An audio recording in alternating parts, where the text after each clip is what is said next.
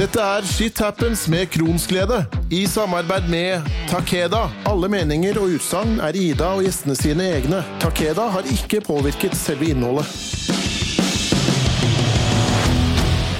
Ny uke og ny episode av podkasten. Tenk deg at du over år har trent deg opp med mål om øye å bli toppidrettsutøver. Tenk deg at det blir rivet fra deg og lagt til grus. Tenk deg at du står som ung, alvorlig syk og med en drøm knust. Hva gjør du da? I dag skal jeg prate med ei som reiste seg opp, krumma ryggen og starta en tøff kamp, en kamp hun vant med glans. Nå er hun i toppsjiktet i norsk friidrett. Hun skal være med meg i dag og prate om trening og IBD. Velkommen til deg, Nora Wold. Tusen takk. Nå er det jo ikke sånn at eh, de fleste av oss har fysikken, viljen, kroppen eller hodet til å bli toppidrettsutøvere, men vi kan alle være fysisk aktive. For å representere oss eh, mer dødelige i denne samtalen har vi med oss en som har trent flere dager i uka, som også ble slått i bakken av sykdom og måtte bli kjent med sitt nye jeg. Han er opptatt av mestringsfølelsen ved å nå mål og tilrettelegge for gode opplevelser. Velkommen til Bjørn Tore Arnfinsen. Takk. Mine gjester i dag har flere ting til felles, på tross av stor aldersforskjell, og i dag skal vi gi inspirasjon og håp om treningsglede på tross av sykdom. Men for at de som hører på skal bli litt bedre kjent med dere, så tenker jeg at dere kan fortelle litt om hvem dere er. Nora, du kan få lov til å starte. Hvem er du? Ja, eh, jeg heter da Nora Wold. Jeg er 23 år gammel. Jeg er fra Fredrikstad. Jeg fikk ulcerøs kolitt i 2015. Nå studerer jeg sykepleie og driver med toppidrett. Eh, som sagt friidrett. Og så har vi da supermosjonisten vår, Bjørn Tore. Eh, hvem er du? Jeg er fra Bergen, 58 år. Eh, med supermosjonist, det vet jeg ikke, men jeg er iallfall aktiv mosjonist. Driver med løping, styrke. Nå på vinteren så er jo skigåing noe jeg liker veldig godt. Eh, ellers tur, turgåing på fjellet. Eh, har eh, hytte, og der liker jeg å tilbringe mye tid. Eh, også ulcerøs kolitt, og fikk diagnosen i 2009. Dere var begge fysisk aktive og trente mye før dere ble syke. Begge har da fått ulcerøs kolitt, og har historier der fysisk aktivitet har vært viktig i deres reise for å reise dere opp igjen med sykdom på slep. Nora, kan ikke du fortelle litt om din historie i forhold til åssen du hadde det når du fikk uh, ulcerøs kolitt? Uh, sånn i litt korte trekk, da, selvfølgelig. ja. Um, jeg begynte å ha veldig vondt i magen. Uh, jeg gikk jo da i andre klasse på videregående. Um, ja, mista alt av krefter, kasta mye opp på trening. på treninger som jeg ikke pleide å bli noe sliten av før. ja, som de vanlige kjennetegnene, med hyppige avføringer, blod i avføring. Um, ja. Det var egentlig sånn det begynte. Men uh, det tok veldig mange måneder før vi fant ut av, ut av hva det var for noe. Så ja, jeg ble veldig frustrert, visste ikke hva jeg skulle gjøre. Skjønte at det var noe som ikke At kroppen skulle jo ikke fungere sånn som den var da. Men uh, ja, vi fant på en måte ikke ut av det. og Så det endte jo med for min del at fastlegen ringte jo en lørdagskveld og sa at OK, du skal inn på akutten nå, fordi vi ser at det er verdier da, som uh, ikke er som det skal. Mm. Så det var litt sånn Jeg følte på en måte at de fant aldri ut av hva det var for meg, egentlig. Nei. Så ja, det endte jo med at jeg var på akutten. Og hva tenkte du da? Var du, var du redd? Eh, ja, jeg ble mm. veldig redd. Og mm. når du på en måte ser at mamma og pappa blir veldig redde, så, mm. og gråter, noe mm. du i hvert fall jeg sjelden ser, da blir man jo veldig engstelig. Og jeg hadde jo ingen anelse på hva det kunne være. Nei. Så, så ble du lagt inn, da, eller? Ja, jeg ble lagt inn. Så det var sommeren 2015. Så da var jeg vel på sykehuset en, i hvert fall en to, litt over to måneder. Og så mye inn og ut da, etterpå. Mm. At jeg fikk mm. komme inn, eller fikk komme hjem da, i perioder. Mm. Um, så tok det jo tid der også, før de fant ut hva det var for noe. Og når de trodde de visste det, så var det også ulike medisiner jeg måtte prøve ut for at Mm. det skulle stabilisere seg. Så Mm. det føltes litt ut som at, eh, at de aldri fikk ordnings på meg, egentlig. Mm. Var du redd Mm. for eh, at eh, din idrettskarriere skulle bli ødelagt for alltid? Ja, Mm. så klart. Eh, men på en måte der og da så føles egentlig idretten ganske uviktig ut. Mm. Det tenkte nok mye på det i starten, men etter hvert på sykehuset så tenker man jo egentlig at så lenge jeg kan fungere i hverdagen Mm. sånn greit, så holder egentlig det. Men mm. ja, så idretten ble litt glemt, egentlig. Mm. Mm. Men jeg husker det at jeg tok noen knever på, på toalettet der noen ganger. For jeg hadde hørt at hvis du opprettholder muskulaturen litt, Mm. så kan det hende når du er syk at du ikke faller så mye. Mm. Men eh, Så jeg hadde jo tydeligvis en liten motivasjon hele tiden om at jeg skal klare å komme ut av det så bra som mulig, da. Mm. Men eh, ja, jeg tror ikke Knebø der eh, Det var nok kanskje mer psykisk. At jeg tenkte at nå holder jeg meg litt gående her. Mm. Men ja, jeg gikk jo ned tolv kilo, og jeg var jo ikke så sjuk før jeg ble syk heller. Så nei, alt av muskler og kondisjon og egentlig alt som var, det falt Alt raste sammen, egentlig. Og så fikk du diagnosen ulcerøs kolitt etter en stund på sykehuset, regner jeg med. Ja. Hadde du hørt om sykdommen? før? Nei. Nei. Ikke Nei, jeg hadde ikke hørt noe om den sykdommen før. Og jeg kjenner ingen som Eller nå i ettertid så kjenner jeg et par som har det, men Mm. de har det i en veldig mild variant i forhold til det, det jeg hadde. Så Mm. det var ingenting jeg visste om den sykdommen. Så det var jo intens googling og Mm. ble redd av å google, og ja, Ja. Alle kjenner seg vel igjen der. Ja, og, eh, og så er det jo eh, sånn at en da, etter å ha vært på sykehuset, etter at man har funnet en, en måte en kan eh, leve på, så skal Mm. man jo da prøve å eh, gå tilbake til normalen. Eh, Mm. Og for din del så var jo da trening en ting du skulle tilbake Mm. til. Eh, Ja. Vi skal litt tilbake til det etterpå. Jeg har lyst til å høre din historie også, um, Bjørn Tore, i forhold til hvordan du hadde det før og under den herre eh, diagnostiseringa. Eh, fortell, fortell oss litt om din, din reise. Eh, jeg hadde vel googlet litt på forhånd. Mm. Eh, for når du begynner å se eh, hyppig, hyppige blødninger og ganske store mengder, så, så begynner det jo å gruble litt. Mm. Og eh, jeg på å si VG og Dagbladet hjelper vel oss med å, å eh, skrike om den store eh, kreftfaren, Mm. og liksom at det er typisk. Og jeg var jo i ja, eh, i 40-årene, midten av 40-årene.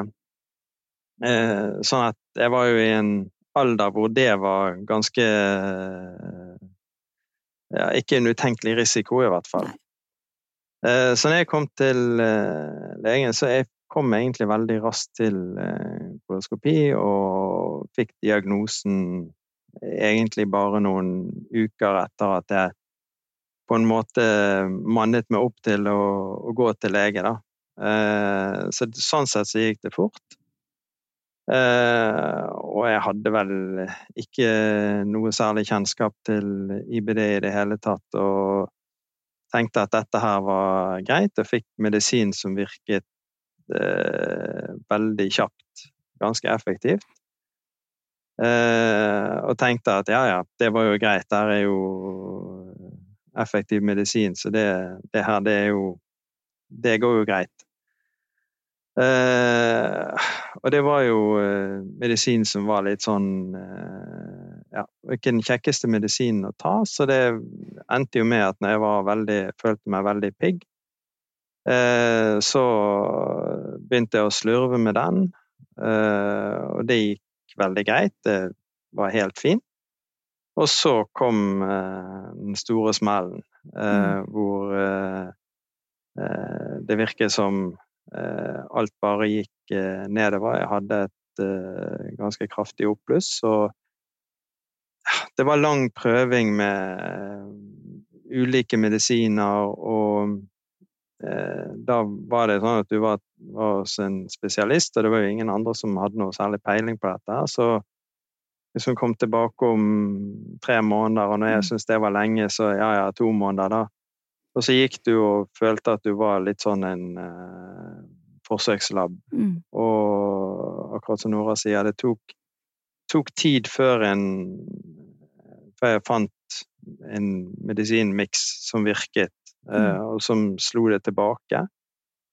Uh, og så fikk jeg jo streng beskjed om at jeg burde holde meg på Eh, den vedlikeholdsmedisinen eh, ganske regelmessig. Eller ikke, ikke slurv.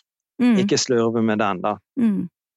Eh, men det var en sånn nedadgående spiral før plutselig ting snudde og medisinene begynte å virke. Mm. og jeg var også Jeg var vel ikke syk på akkurat samme måten som, eh, som Nora. Så jeg, jeg, hadde ikke noe mye eh, smerter. Det var mer det at jeg hadde eh, ekstremt eh, hyppig doløping. Mm. Så eh, jeg prøvde å holde meg aktiv hele tiden, så jeg får så mye som mulig.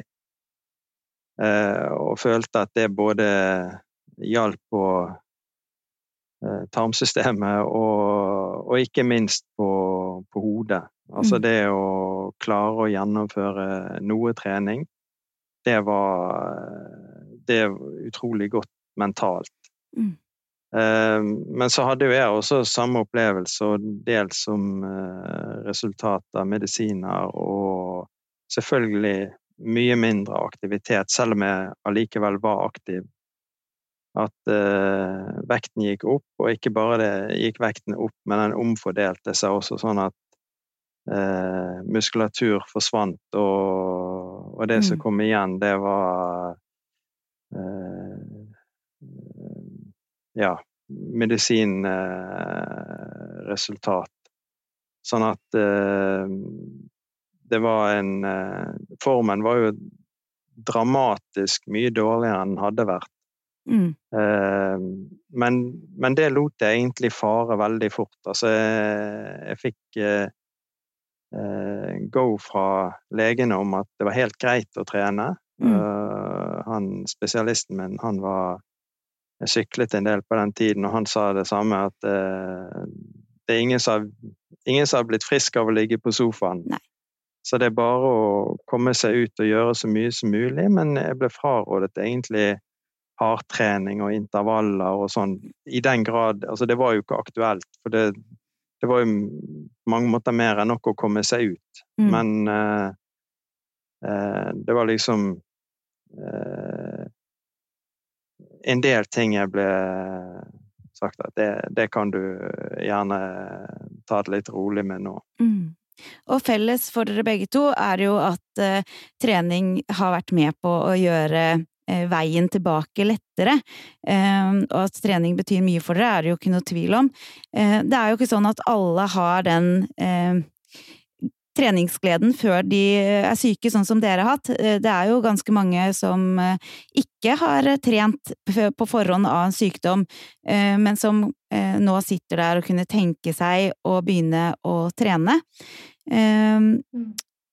Den her dørstokkmila kan jo være Det er jo et kjent begrep, og den kan jo være ekstra stor når en er syk. Hvordan klarte du å presse deg ut for å trene i starten, Nora? Når du på en måte begynte å komme i gang igjen og kjenne at kroppen funka? Um, jeg husker jeg fikk med pappa ut på en del gåturer. Mm. Han har knust alt i begge beina, så mm. på en måte Han har ikke vært noen bra treningskompis for meg før. Men da var jeg i så dårlig form at han gikk fra meg på gåturer, og da husker jeg når jeg begynte å bli bedre, så gikk det galt et par ganger eh, på de gåturene også. Men mm. eh, jeg tenker sånn generelle tips ha noen å trene med, Bare komme Mm. seg ut av døra, gjøre noe man syns er gøy. Syns man det er gøy å prøve å danse eller eh, Ja, bare gjøre noe man syns er gøy, og hater du å gå tur, så hadde jeg kanskje ikke Eller løpt, så hadde jeg kanskje ikke prøvd det først. Men uh, ja, noe man liker å gjøre, og være med noen man trives å være med. Så Mm. jeg tror de fleste er med etter man har vært syk, så vil jo alle hjelpe deg å bare få med noen. Ja. Så tror jeg òg at det er viktig at du eh, velger en treningspartner som du stoler på, og Mhm. spesielt da i starten, hvor det kan være Hvor en er usikker på eh, hva som skjer når, med kroppen når man begynner å Mhm. trene igjen. Det husker i hvert fall jeg veldig godt når jeg begynte å, å trene. Redselen for at eh, magen skulle slå seg vrang. Mhm. Eh, det å lage seg, har vi snakka om tidligere også, det å lage seg gode rutiner, det å eh, være forberedt på det verste som kan skje, det kan jo være med på å gjøre situasjonen litt lettere. Mm. Eh, Bjørn Tore, når du skulle ut og trene i starten, hva gjorde du for å klare å komme deg ut døra? Det var jo veldig mye planlegging. Mm. Eh, jeg måtte Altså, jeg visste det, det var jo en av de store fordelene med å, å trene, at jeg var eh, Jeg var litt mer regelmessig. Mm. Eh, så at jeg visste når, eh, når på dagen magen var verst. Mm. Så måtte jeg liksom ha tid til å spise. Jeg måtte ha tid til å liksom legge inn en pause, sånn at jeg fikk gjort meg ferdig på do. Eh, før jeg på en måte kjente at ok, nå, nå tror jeg det er trygt. Og så var det på en måte å eh, la kroppen styre den rytmen, eh, og ikke eh, ikke nødvendig Altså om jeg kommer en halvtime seinere av gårde, så var det eh, helt greit. Hvis jeg liksom hadde noe ekstra stress på at jeg skulle rekke noe eller sånn, så eh, det var ikke en, eh, en god plan. Eh, Nå skal det jo sies at Og jeg hadde også mange gode eh, treningskompiser som eh, ja, var både ventet og, og var forståelsesfulle. Så det, det var egentlig veldig greit. Eh, og tenker akkurat den, den følelsen som vi kjenner på i dag med, med korona, det er jo litt den, den samme å si, sosiale nedstengningen eh, vi kjente på, eller jeg Mm. kjente på i hvert fall, når du på en måte ikke torde å, å eh, Eller iallfall var holdt igjen på å Mm. gå utenfor dørene. Mm. Og det å liksom møte folk og Det, det er avvæpnende og eh, gjorde ting veldig mye enklere. Mm. Og så er det jo eh, eh, Det er jo eh, noe som veldig mange eh, som trener mye, eh, er kjent med. Det er jo treningsmage. Eh, og det har jo ingenting med ulcerøs eh, eller Crohns eller sånne ting å gjøre. Det er jo rett og slett bare eh, en ustabil mage som en del av, av hard trening. Mm. Så, det, så det er jo ikke Jeg tenker kanskje at de som trener mye, er, er vant til en del Mm. òg. De kan kanskje ha enda bedre forståelse for nettopp den biten. Eh, og så er det jo, jeg tenker at det å være åpne om det er, eh, er nok kanskje lurt. I hvert fall finne den ene da, som vi snakka om, som man stoler på. Eh, Nora, om en ikke har vært noe særlig aktiv på mange år, så vil jo trening gjøre vondt. Ja. Eh, og hvordan komme over den kneika, for helt ærlig, i starten så er det ikke engang deilig etter en treningsøkt, og en opplever en stølhet av en annen verden, og så stifter jo en bekjentskap med muskler som en ikke visste man hadde. Mm. Har du noen tips her? Alt man gjør for første gang, eller eh, at det er lenge siden man har gjort noe, det gjør jo vondt. Det Mm. kjenner jo jeg selv òg når jeg begynner å trene mer nå på høsten til en ny sesong, så jeg har jeg jo så vondt i hele kroppen at eh, jeg klarer jo nesten ikke å fungere i hverdagen et, på et par uker. Mm. Så jeg tenker bare å komme seg over den kneika der og hoppe i det, ha litt vondt, tåle å ha litt smerte. Mm. Og så vender venner kroppen seg til eh, det meste, utrolig nok. Så Mm. For det er jo ikke noe farlig smerte. Nei, det er jo ikke det. Nei. Så Men begynne gradvis, kanskje. Ikke Mm. hoppe ut i et eh, maraton og tro man skal klare det med det første. Nei. Men uh... Og det å sette realistiske mål er jo Ja. kanskje noe av det aller viktigste, for hvis du går på eh, den skikkelige smellen allerede første gang, ja. eh, du er utafor døra, så vil jo Mm. kanskje miste den eh, treningsgleden, eller håpet om en treningsglede. Mm. Så det å eh, bruke litt tid på å forberede, på å planlegge, det er kanskje det aller første en bør gjøre. Mm. Sette seg ned, tenke nøye gjennom eh, Ja. hva jeg har lyst til, hva, hva, hva kan jeg fungere med? Mm. Um, og så er jo dette her med psykisk helse, Bjørn Tore. Det er jo en viktig bit når man har en kronisk sykdom. Veldig mange sliter med eh, det psykiske fordi det er så mange ting eh, å forholde seg til når en blir kronisk syk. Eh, jeg vil jo påstå at det å være ute i naturen, eller være aktiv ute, enten om det er gå en tur eller om det er altså trene, er med på å bedre en fysisk og psykisk helse. Hva tenker du?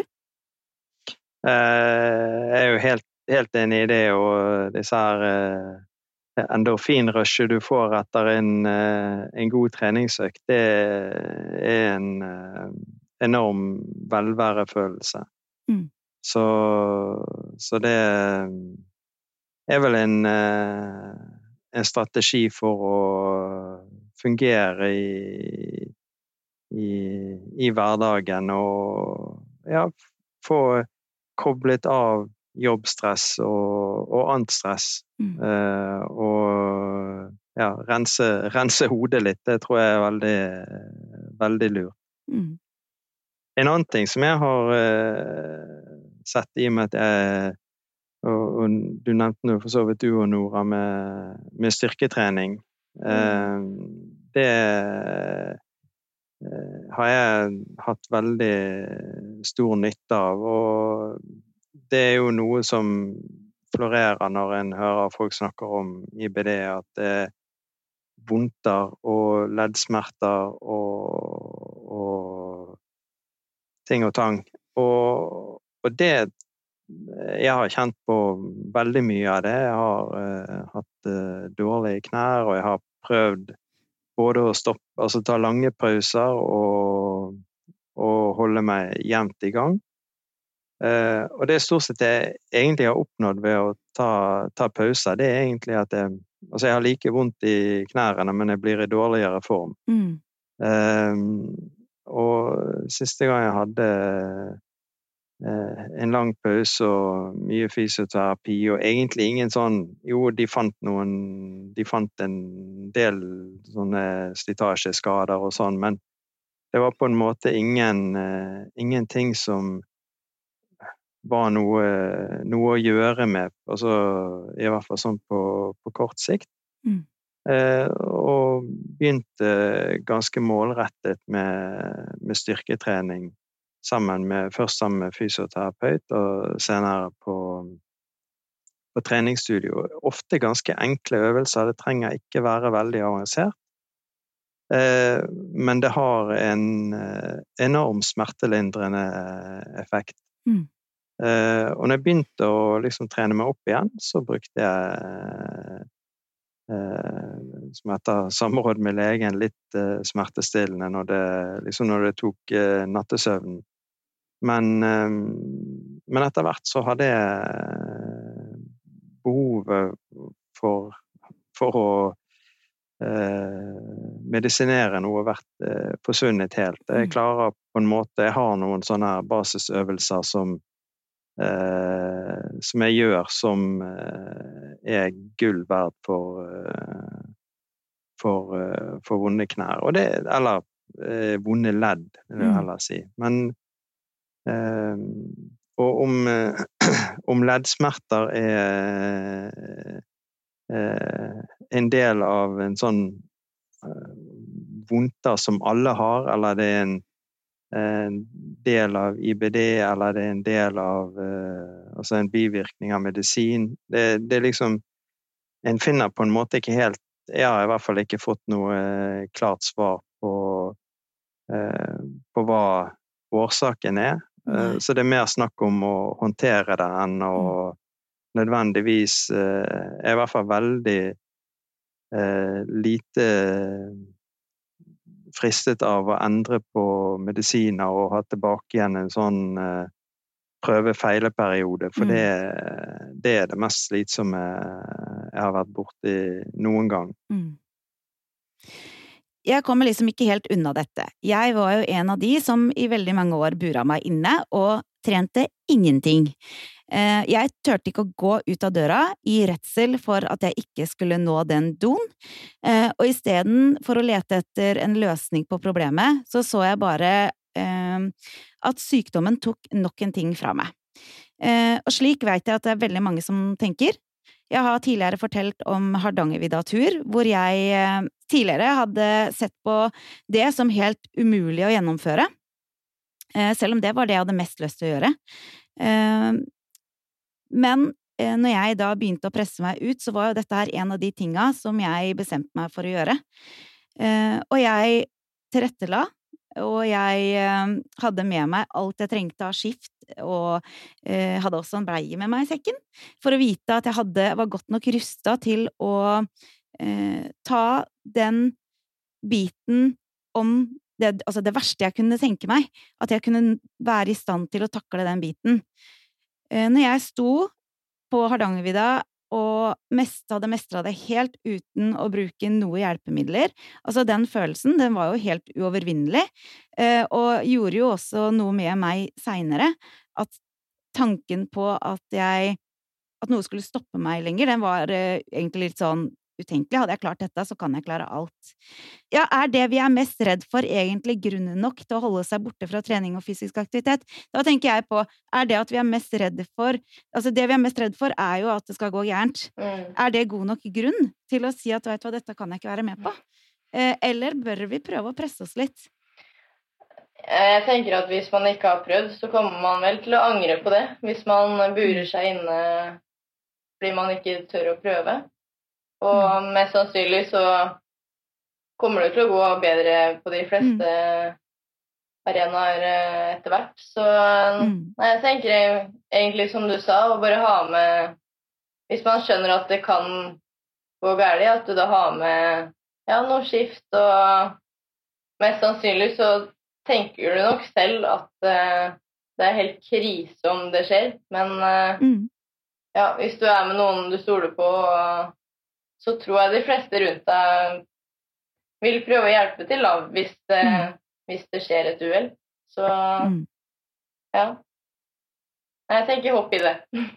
Ja, og det er jeg veldig enig med deg i. Mm. Eh, men det er en prosess, mm. eh, og jeg tenker at det er en sånn eh, greie en må øve seg litt på. Mm. Eh, men som du sier, vær sammen med noen du kjenner, eh, mm. og tilrettelegg godt nok, så er det mulig. Og så er det klart, du går ikke ut den dagen hvor du sitter på do fra mm. klokka sju om morgenen til eh, du går ut av døra. Nei. En bør jo eh, dra på en tur eller dra ut og trene når formen er så noenlunde, i hvert fall. Mm. Og det skal vi også litt tilbake til, fordi jeg Det her med dagsform hvis du da dagen før har tenkt at i morgen så skal jeg på en langtur, så står du opp, og så er kroppen dritdårlig. Mm. Ehm, for veldig mange da så kan skuffelsen være enorm, og en tenker enten så presser du deg ut på en tur som går helt ræva, mm. Eh, eller så drar du kanskje ikke i det hele tatt.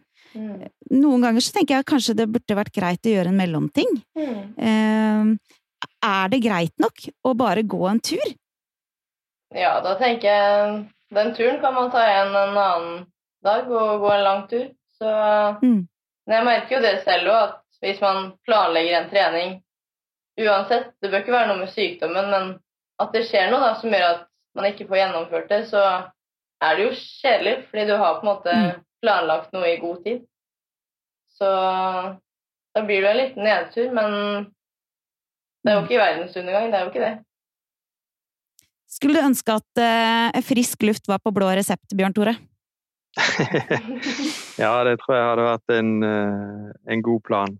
Jeg tenker jo at eh, en som eh, leger da bør kanskje også prate litt mer om viktigheten med å ikke bare sitte inne, men det å komme seg ut, være aktivitet, snakke også om det når en får en diagnose, eh, senke krava, ut og le deg, og snakk med andre mennesker eh, som har opplevd det du sjøl står i, for det fins veldig mange fine arenaer for å komme i kontakt med andre som har samme sykdom som deg. Eh, og vi kan ikke alle bli toppidrettsutøvere, men vi kan alle finne vår egen form for eh, aktivitet, da. Mm. Og så er det én ting, Nora. Eh, som toppidrettsutøver så har en jo et ansvar for å ikke ta noen medisiner som står på dopingslista. Hvordan har du forholdt deg til det? Eh, jo, med den prøving- og feilingperioden som Bjørn Tore sa, så har jeg vært veldig nøye på det hele tiden. Og jeg sjekker opp alle medisiner, ikke bare én gang, men eh, sikkert 20-30 ganger, for at Mm. jeg skal vite at det ikke står på noen dopingliste. Mm. Så ja, så jeg bruker Antidoping Norge sin liste hver gang det skal være noe tilfelle hvor det er snakk om mye med, nye medisiner. Mm. Mm. Og ja, så på en måte både at legen sjekker det, han veit at jeg driver med idrett, Mm. jeg sjekker det mange ganger, jeg får pappa til å sjekke det opp, så sjekker opp alle stoffene i eh, medisinen, så Mm. jeg er veldig nøye på det. Men jeg har ikke kommet i den situasjonen der, der legen har satt meg på en medisin som jeg må gå på, som står på dopinglista. Nei. Det har jeg ikke kommet igjen nå. Men uh, hvis det skulle komme til en sånn situasjon, så hadde vi jo sikkert bare hatt en diskusjon med Mm. alle andre muligheter. Mm. For det er jo så mye medisiner der ute. Så Mm. det må jo gå an å finne en mulighet hvis du får noe som står på lista, da. Og så er det én ting. Jeg tenker, eh, om dere skulle gitt ett råd på veien til noen som ønsker å fortsette sin fysiske aktivitet, eller å begynne, hva ville rådet ditt vært? Vi begynner med Bjørn Tore.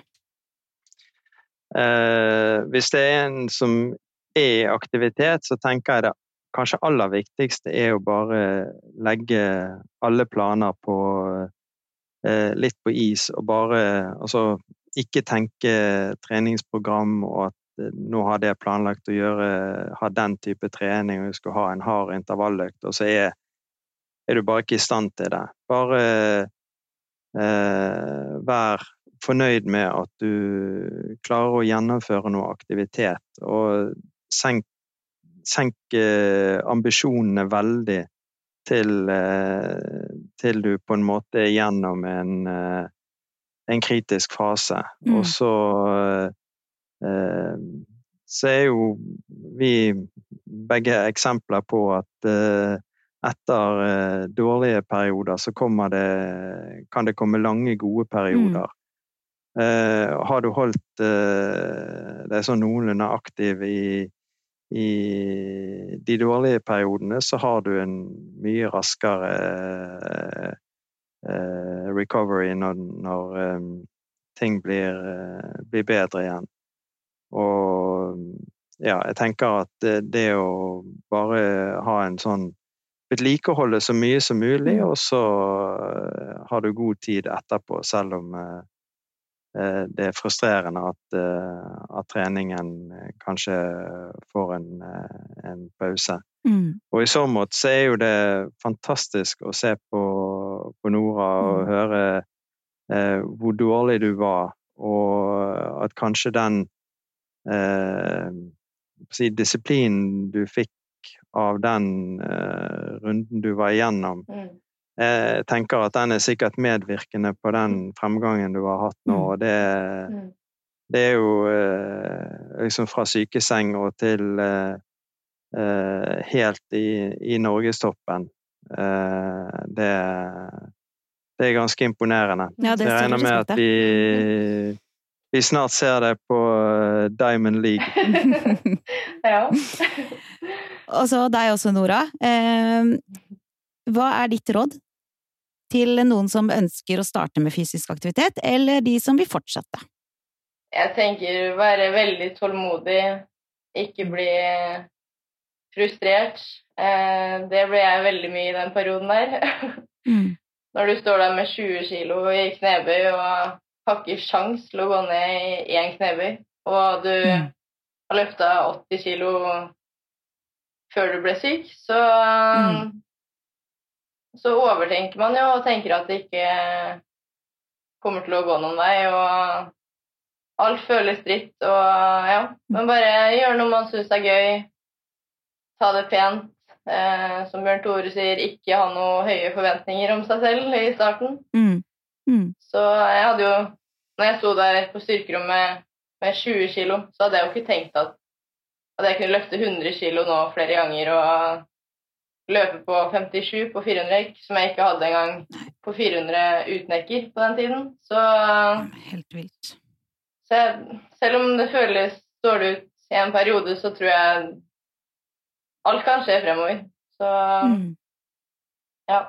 Og én ting vi alle er enige om, fysisk aktivitet, frisk luft og få bruke kroppen er et godt hjelpemiddel imot målet om et godt liv med sykdom.